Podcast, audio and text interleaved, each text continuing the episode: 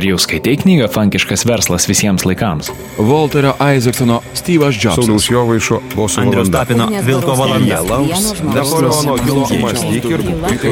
Gillian Flynn. Per daug knygų per mažai laiko? Įsijunkite laidą savaitgalio skaitiniai ir susipažinkite su naujausiomis lietuviškomis audio knygomis šeštadieniais 7 val. ryto. Laidą rengia audioteka.lt lietuviškos audio knygos tavo telefone.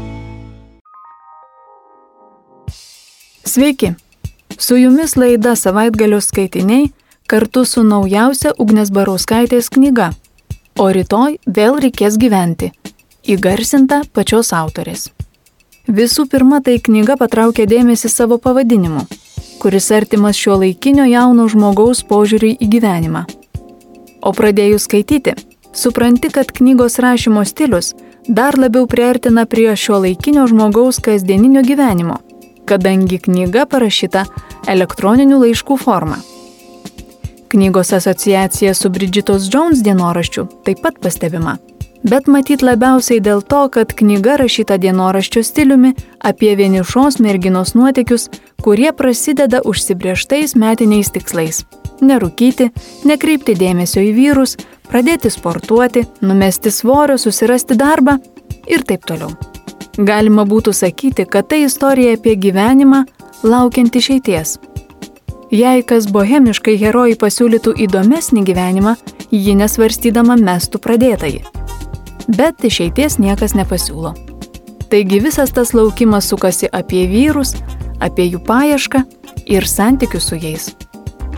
Ši Ugnės Barauskaitės audio knyga matyt ne vienam primins asmeninį nelaimingą įsimylėjimą, audringą meilės romaną ar jausmą, kad esi pasmerktas nuobodžiai besikartojančiam gyvenimui. Kviečiu pasiklausyti ištrauką iš Ugnės Barauskaitės audio knygos o rytoj vėl reikės gyventi. Audio knygą įgarsino pati autorė. Emilis eta mail.com. Subject. Darbas toks. Vakar netyčia žiūrėjau striptizą. Buvo naujo klubo pristatymas. Mes su gituliu stovėjom netoli scenos, žiūrėjom, kaip dar blaivų šaumenai šlovina rėmėjų alų ir staiga bum - striptizas. Išlindo toks vyriukas su katiliuku bei petnešom Ir kad pradėjo, ir nusismaukė tas petnešas, ir užsitempė, tai priekiu pasisuka tai šonu, ir nusima katiliuką ir vėl užsivožia. Žodžiu, gražu pažiūrėti, kokias dešimt minučių. Maniau, fonas baigsis. Vyrai spėjo ir išeiti, ir grįžti. Galiausiai striptizierius nusimovė tas petnešas su visom kelnim, bet toliau uždarinėjo triukus su katiliuku, kol galiausiai prisidengė juo intimiausią vietą ir atsuko damoms pliką užpakalį. Damos paplojo ir pasakė, uuu. Aš pakikenau, kad mačiau ir prašmatnesnių sėdinių, o Gitulis pasakė, kad paprastai didelio dėmesio į tai nekreipia. Paskui Mikutavičius pristatė vyrų džiaugsmą, bet kažkas pametė fonogramą, todėl mergiotė su platformom ir kojinės pavydalo suknelė visai bereikalo prasidėjo dūmų prileistoje scenoje geras penkias minutės. Gytis iškart atstatė dėlniukus, pasakė ačiū ir nukuduliavo į tualetą. Bet po pusvalandžio mergiotė vėl atsirado scenoje ir atsisėdo ant kėdės taip, kad matytųsi kojinių kraštai. Viską vėl užliejo dūmai ir sulik pirmais akordais ji nusismaukė suknę bei parodė iškilumus. Paskui iškėlė kojas ir parodė kelnaitės. Todėl jos drabužis susikaupė kažkur ties liemeniu ir buvo ten visą laiką, kol mergiotė raivėsi pagal muziką, nes nieko daugiau nebenusirengė. Jo, lietuviškas šou biznis, suprask pramogų verslas. Bet juk nėra nei verslo, nei šou, tai geriam ištisai, Gerimą būtų galima vadinti pramoga, bet kas pramogauja visą gyvenimą, tai mūsų darbas. Mildos vakar paklausiau, ar ji pažįsta ką nors, kas galėtų negerti nors vieną savaitę, aišku, išskyrus Mamontovą. Bet ji ne, nepažįsta. Hm. Turbūt esame vienintelis socialinis sluoksnis, kuris tiek siurbliauja, bet tuo pat metu taip žavingai ir sektinai atrodo, ačiū stilistams.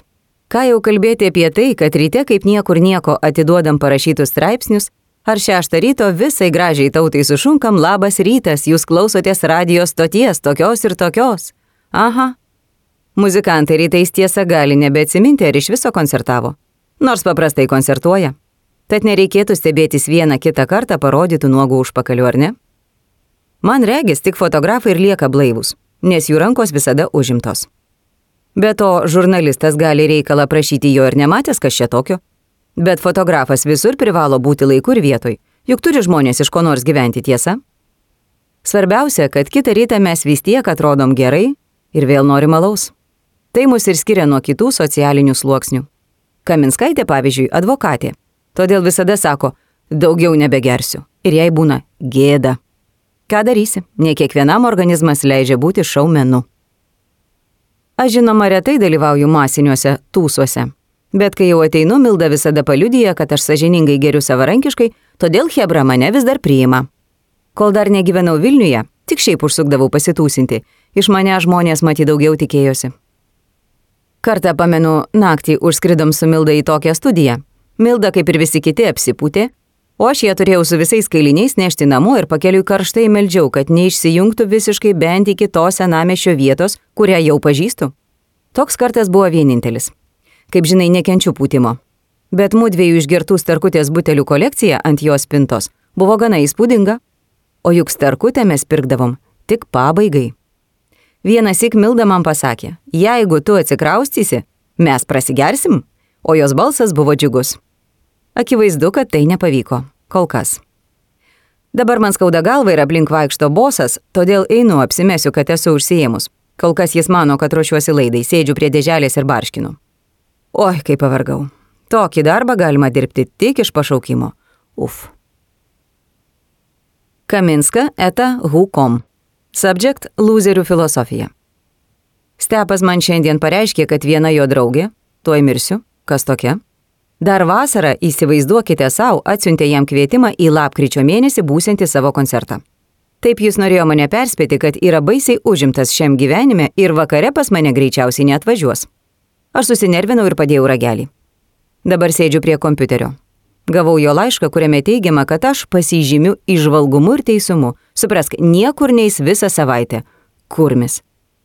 Aš tai sakau, kad teisus paprastai būna Merfis su savo dėsniais. Pavyzdžiui, jei kas gali nepavykti, tai ir nepavyks. Toliau. Kad ir koks reikalas žlugtų, pradžioje jis atrodo visiškai tvarkoj. O mano mylimiausioji sodo taisyklė, kurioje teigiama, anksčiau ar vėliau atsitinka pats blogiausias vargiai sugalvojamas aplinkybių sutapimas. Ir pradinio varianto gražinti neįmanoma, nes jeigu būtų, žmonės negertų, o juk akivaizdu. Ir galutiniam nusiraminimui. Priemonės, kurias naudojate tikslui pasiekti, nepadės. Tai man regis ir nepadeda. Su stepu viskas turėjo būti tauru ir gražu, turėjom stovėti apsikabinę balkone ir stebėti saulėlydį už sodo, turėjo būti visi tie aš tave myliu, būk mano žmona ir žiedas su briliantu. O ką turim? Aišku, viskas priklauso tik nuo Merfio dėsnių. Dabar aš susinervinau. Vienas toks buvęs kolega vis siūsdavo, kad aš visų tais merfizmais, suprask lūzerių filosofiją. Nieko, Dabar vaduojasi nuo heroino ir yra pavyzdys to, kad pradinio varianto sugražinti neįmanoma. Oi, na kam apie tai? I'm a bad, bad girl. Tipo dainuoju, bet palajuk, ten buvo Big Big Girl. Na ką padarysi, Madonna dainavo Bad Girl, Drunk by Six. O by Six čia toks tūsas prasidėjo. Vyrai koridoriui sakstėsi marškinius ir visgino apsunkusius pilvus. Gundė moteris, va. Hei, kodėl vyrai niekada nesilaiko dietos? ir vis tiek rodo taliją, aš manau, tai ir yra didžioji gyvenimo neteisybė - esminis Merfio dėsnis. Emilis eta mail.com. Subject - apie stepą. Ar tau nepasakojau, kas yra stepas? Fantastika. Stepas yra... Hmm. Aš su juo tipo draugauju? Nors ką žinau. O buvo taip. Visada perku tabaką tokioj mažytėj krautuvėliai. Ten labai mielas šeimininkas. Jis visada rankoje laiko pypkę, Sako man, ponė miela, mes kalbamės apie orą, gyvenimą prie ruso ir panašiai. Tuo metu pas tą žmogelį užėjo stepas. Kadangi aš buvau puikios nuotaikos, tai nesupykau, kad jis atpažino mano balsą. Mes ėmėm kalbėtis, susikeitėm elektroninio pašto adresais ir taip toliau. Kurį laiką man net atrodė, kad jis be manęs gyventi negali, nes atsimindavo kiekvieną per radiją mano ištartą žodį. Kas vakarą kalbėdavom telefonu, kartą per savaitę pietaudavom kokiam restorane, o paskiau paaiškėjo, kad mes tik draugai. Ką tai reiškia? Jis dar neužmiršo savo buvusios draugės. O aš jį supratusi ne taip. Jis tik gerbė mano radio talentą. Be abejo, verkiau visą naktį. Ryte jis paskambino ir paklausė, kaip aš jaučiuosi. Tada manyje subrendo troškimas jį trūks plyš suvilioti, ką vėliau pavyko realizuoti. Stepas susijėmė ir pagaliau parvertė mane ant sofos. O dabar aš vėl isterikuoju, nes tai sofos reikalais visai nesu sužavėta. Tuo dabar žavisi mano mama.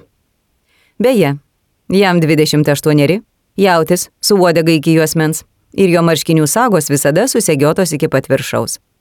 Jis sako, kad negalima apie žmogų spręsti iš sagų. Bet argi susegiotos sagos nereiškia, kad jis yra rimtas, solidus jaunuolis, išauklėtas ir inteligentiškas? Aš važinėju troleibusais.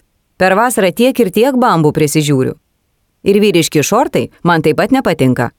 Kam tas keistas įsitikinimas, kad gyvename Ispanijoje? Tai turbūt konservatyvus požiūris į vyrų drabužius, bet aš manau, kad savo ekshibicionistinius poreikius puikiausiai galima patenkinti aptempiant kūną pavyzdžiui nardymo kostiumu. Nukrypam. Tai štai, mėgstamas tepo posakis, jei daiktas nedešra, kitiems tai šiukšlė, o mums. Todėl jį ir žavi, kad man rūpi visokios prancūzų kalbos, Frankai Loidai Raitai, Stalininės Rusijos kultūrinis kontekstas ir secesijos atspindžiai Vilniaus balkonų tvorelėse. Kaminska eta Hukom. Subject - Toks Monro. Oi, mane ką tik pakvietė valgyti ledų, todėl netrukus ir eisiu. Toks Monro. Darbuojasi gretimoje radio stoty čia kitam koridoriui. Nieko ypatingo visiškai. Tik jis vieną kartą bandė prarasti nekaltybę, bet po valandos užmygo taip ir nebaigęs, todėl vis tiek save laiko nekaltu. Kalbama, kad jis prieš nusidažydamas galvą baltai mąstė dviejus metus. Jei tokius paprastus dalykus reikia svarstyti šitiek laiko, tai aš nesistebiu, kad per valandą ant tos moteriškės jis, kaip čia pasakius, taip ir neapsisprendė. Gerai, dabar jau turiu eiti. Emilis eta mail.com. Subject - trečiadienis. Atrodo, kad šiandien atsikėliau vien tam, kad nusišnekinėčiau ir kad būtų pilna nesąmonių. Pirmiausia, maudžiausi ir į vonį įkrito katinas. Iš siaubo sudraskė man pilvą. Iš skalbtos paklodės kažkodėl nesugebėjau išgręžti, todėl visam būte pilna mėlynų balų. Darbe mane pasitiko piktas bosas su kalbos klaidų sąrašu. Važiuodama namo staiga prisiminiau, kad susitariau su Vygantu, tuo tapytoju, todėl reikėjo išlipti ir persėsti į kitą trolibusą. Klaikiai sušalau Francūskam parke, nes Vyganto laukiau 40 minučių, o jis netėjo. Paskui bandžiau nueiti užkast. Nukeliavau į užsuk. Bet ten man nepatiko didelėse keptuvėse viešai ir atvirai kepamos bulvės, nes esu jautri. Todėl grįžau į Jurgio prospektą ir nuėjau čili link. Ties lukiškiais susipratau, kad einu ne į tą pusę, bet patraukiau toliau iki Seimo, paskui iki pedagoginio, kol nuėjau iki Maksimos. Žodžiu, taip apsikvailinau, kad niekam nesakyk. Beveik taip pat kaip Kaminskaitė, kuri keturis kartus gulėjo soliarimo dėžėje neužsidariusi, o paskui stebėjusi, kodėl visai neįdėgi. Be to aš nuo ryto troškau picos, picos, picos, kaip koks žvėris. O kai atsisėdau Maksimos pizzerijoje ir palaukiau kelias minutės, bet niekas nepriejo, įsižeidžiau ir parduotuviai nusipirkau vištų šlaunų. Turbūt dėl PMS. -o. Tuomet nuėjau į darbą, paėdžiau virtuvėlėje ir atsisėdau prie televizoriaus. O toks Lukas išvadino mane senmergė. Bet aš turiu pasiteisinimą. Jis buvo užėmęs mano kompiuterį. O Vygantas man buvo parašęs SMS, kad ateis vėliau, bet juk mano mobilusis drypsojo studijoje. Visiškas trečiadienis. Bet to bijau grįžti namo, nes Katinui nepalikau rakto nuo jo tualeto. Ok, Katinas aptriedė sofą. Bet tai dar ne viskas šį trečiadienį, nes vėlai vakare paskambino stepas iš savo guolio ir pasakė kažką nebetsimenu ką, kas man reiškia, tai jis manęs nemyli.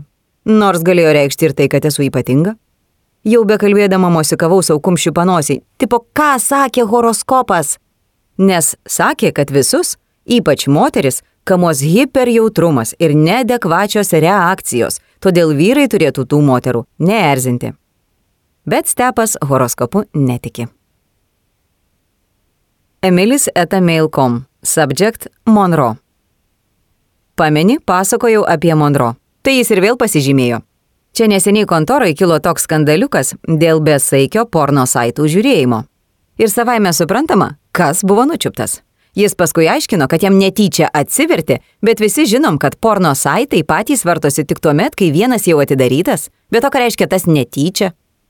Vėliau, kai jau Monro buvo priremtas prie sienos su rimtai sistemingo netyčinio atsivertinėjimo įrodymais, Jis pasakė, jog tiek daug atiduoda savo gyvenimo radijui, kad jam nebelieka laiko realių bobų paieškai. Taip sakė Monro. Labai jokinga, nes pornosaitai buvo gėjiški.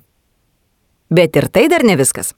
Gerai, aš suprantu, kad galima netyčia ir į gėjų pornosaitus patekti, kai esi toks žioplas kaip Monro. Bet juk negalima netyčia imti kalbėtis internete, tiesa? Kaip ten vadinasi tas reikalas, kur visi kalbasi? Nežinau, aš už gyvą kontaktą neįsimenu, kaip tai vadinasi, mirka ar kaip.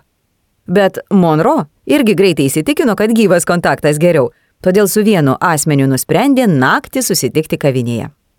Aišku, Monro nebėgiojo po kontorą visiems pasakodamas, nors istoriją apie savo nevykusią sueitį su stora moterimi jis man papasakojo jau per antrą parūkimą. Bet ką nuslėpsi, kai pasaulis toks mažas ir žiaurus. Jau po kelių dienų man paskambino gytis, jis gražus toksai, parodysiu kada. Ir paklausė, ar tas keistas asmuo dirba mūsų kontorai? Vargšas Monro. Ar jis nesupranta, kad susižavėti jo siauručiais pietukais ir apdribusiomis kelnėmis gali tik Na, neįsivaizduoju kas. Nebent kokia Dostojevskiškai nusiteikusi mergytė su akiniais. Iš gyčio irgi žvengiau tris dienas. Susimovė kaip didelis. O juk labai didelė klaida manyti, kad radijui visi tokie kaip aš. Pf. Bet faktas lieka faktu. Monro naktimis netyčia bėgioja į pasimatymus su gėjais. Tvarka, einu. Jau matau, Monro trypia palei duris. Paprašiau, kad namo parvežtų. Kai praėjusi kartą pakvietė ledų, Nuvažiavome į pizzeriją. Jis visai ragino mane užsisakyti gal pizzą, gal deserto, o paskui susimokėjo tik už save. Laimiai buvau paskaičiavus, kiek pinigų turiu. Gal dabar paprašysiu mokėti už benziną? Emilis etamail.com. Subject - nekintantys dalykai. Visas miestas išklijuotas afišomis. Visi laikrašiai pilni reklamų. Net mano gimtajame kaime ant parduotuvės durų savo ramiausiai juokėsi Radausko fiziomordija reklamuodama alų, lygiai per šimtą metrų nuo tos vietos, kur mes slapta bučiuodavomės. Visai nelinksma, kai po dešimties metų supranti, kad niekas nepasikeitė. Aš vis slapta tebesvajoju, kad vieną dieną eisiu per Vilnių ir susitiksiu Radauską, būsiu labai plona ir graži, todėl jis apalps ir mes nueisime truputį išgerti. Tada paaiškės, kad jis nebegyvena su žmona, todėl... Bet dažniau man atrodo taip, aš eisiu per Vilnių ir susitiksiu Radauską, o kadangi būsiu labai plona ir graži, o jis tai jau savaime gražus, bet to visi prisiminimai, todėl mus apims pašėlusi aistra, o paskui aš stoiškai ir liūdnai gyvensiu kaip niekur nieko. Vakarai slaptai žiūrėdama vaizdajuostės, kuris vaidina ir vaidina, nes būsiu prisirašiusi iš televizoriaus, ir laikysiu viską paslėpus savo kabineto seife, nes įsivaizduoju, kad tokį turėsiu. O paskui vėl visai proziškai virsiu kuriam nors savo stepui vakarienę.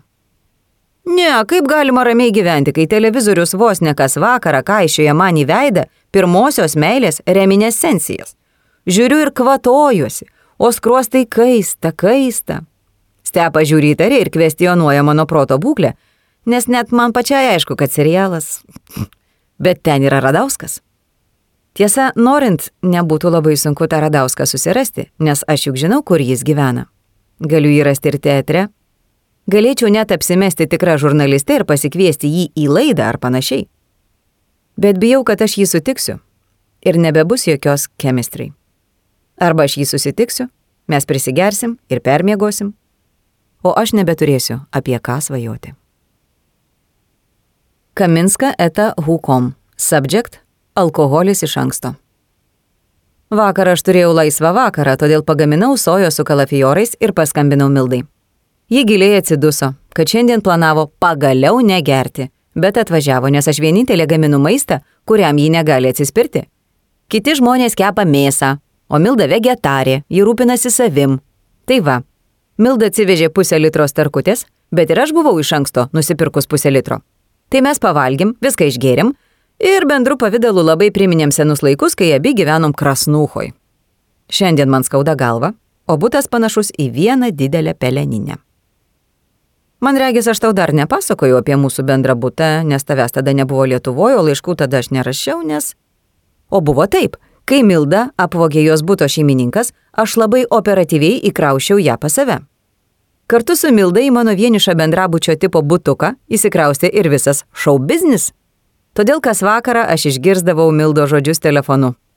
Jo, dar nemiegam, gali užeiti. Ir kas nors atsineždavo butelį degtinės. Dažniausiai tai būdavo dainuojanti Mildos meilė, todėl aš nedrįzdavau ką ir sakyti, juk nesu koks žvėris. Iki Juozapo te buvo keli žingsniai, todėl vienu buteliu mes niekada ir neapsiribodavom. Būdavo ir taip, aš netekus kantrybės, tiksliau blaivumo, užmigdavau, o jie tylom žiūrėdavo į mano išlindusius, na, papus, bet vis tiek gerdavo. Kartais Mildos meilė ateidavo ne vienas. Kitais kartais niekas neateidavo, bet kaip sykis tuo met, aš pati parsineždavau alaus. Iš pradžių tik po vieną. Štai todėl aš ir nerašiau tau laiškų. Atsiprašau, kad teko praleisti svarbų mano biografijos tarpsnį. Milda tuo metu neturėjo darbo ir baisiai sielojosi, o amžinoji meilė jos nemylėjo kaip visada, nes jis gėjus. Todėl ir progų, ir laiko mums užteko. Po mėnesio aš nusprendžiau išsinuomoti kitą butą, toliau nuo visą parą veikiančių parduotuvių. Dabar mano rajone paskutinis kioskas rakinamas 10. Tiesa, praktiškai tai atrodo taip. Dabar alkoholio perku ne tada, kada noriu išgerti, o dėl viso pikto iš anksto. Gerai, susijimsiu. Šiandien išgersiu tik vieną butelį alaus prieš miegą ir susitvarkysiu namus. Stepui neskambinsiu.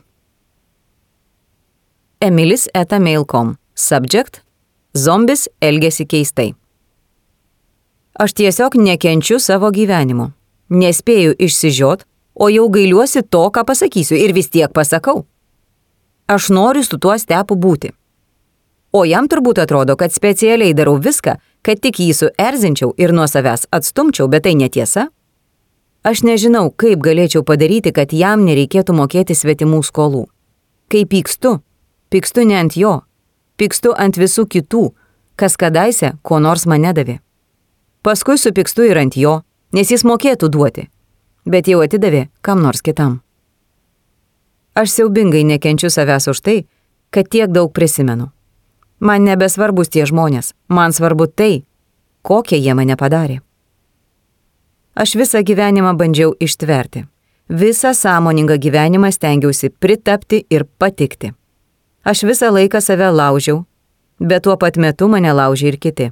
Aš sakydavau suprantu, kai nevelio nesuprasdavau. Aš ir dabar nesuprantu, kodėl žmonės tengiasi vieni kitų nemylėti. Kodėl reikia suprasti, kai tave nori palikti. Kodėl reikia vaidinti, kad neskauda, kai tau jau net nebėra kur dar skaudėti. Aš nebenoriu suprasti, aš nebenoriu įtikti. Nenusakomai pavargau. Ir vis dar negaliu susitaikyti su tuo, kad tai man teko viską išgyventi. O kalbant apie stepą, man neskauda tik jaučiu begalinį apmaudą, kad jis manęs nemyli. Nes nieko daugiau ir nenoriu, kad tik kas nors mane mylėtų. Aš nekenčiu drungnumo, nekenčiu nuolankumo, aš noriu aistros. Žinai, kas yra aistra? Kai žmonės vieni dėl kitų daro labai neprotingus daiktus. Stepas neprotingų daiktų nedaro. Vakar bandžiau prisiminti, kada paskutinį kartą buvau gavus gėlių. Šįmet tikrai ne. Pernai vasarą vienas sunkvežimio vairuotojas, kurį sutranzavau, padovanojo man 20 rožių, bet jis buvo gėlininkas, todėl turbūt nesiskaito. O prieš tai, atmetus gimtadienius, gal kokiais pirmaisiais studijų metais? Kaip aš nekesdavau rytų prie universiteto. Kas antra merga eidavo su bernu parankiai ir puokštę panosiai, aš jų nekesdavau, natūraliai nekesdavau, nes jos priklausė kabinamų mergų kategorijai. O visi bernai, kurie su manim susipažindavo, mane išsik priskirdavo kitai kategorijai ir imdavo su manim diskutuoti. Su manim diskutuoti nori ir stepas. Po kiekvienos laidos skambina ir diskutuoja. O aš noriu gėlių. Tada norėjau. Ir dabar labiau už viską noriu gėlių. Noriu nieko neveikiant vaikščioti po miestą, susikibus už rankų, Noriu bučiuotis prie šviesoforų ir supermarketo eilėse. Ar aš tiek daug noriu iš gyvenimo? Truputėlio, paaugliško šėliojimo laisvalaikiu. Taip ir įpratau viską daryti viena. Viena eiti į kiną ar teatrą. Viena visą vakarą prasidėti bare, viena šnekėtis. Viena nusipirkti butelį vyno ir jį greitai išgerti. Manyje per daug skausmo. Kai vyrai to išsigasta, Aš apskritai nieko nebenoriu daryti, tik gulėti ir raudoti, ir nesikelti, ir iš viso negyventi. Stepas nuolat kartoja, kad jam manyje nepatinka tas ar anas. Man regis, aš jau liaujuosi girdėti. Kartais iš viso pasaulio girdžiu tik priekaištus. Kai aš stepo ko nors prašau, man atrodo, kad jis mane sumindys. Girdėjote pačios knygos autorės Ugnės Barauskaitės įgarsintą ištrauką iš audio knygos O rytoj vėl reikės gyventi. Visą audio knygą galite klausytis savo išmaniuoju telefonu parsisiuntę programėlę Audioteka LT. Čia buvo laida Savaitgalio skaitiniai ir aš, Ernesta Platukytė. Laidą rengia audioteka.lt lietuviškos audio knygos tavo telefone.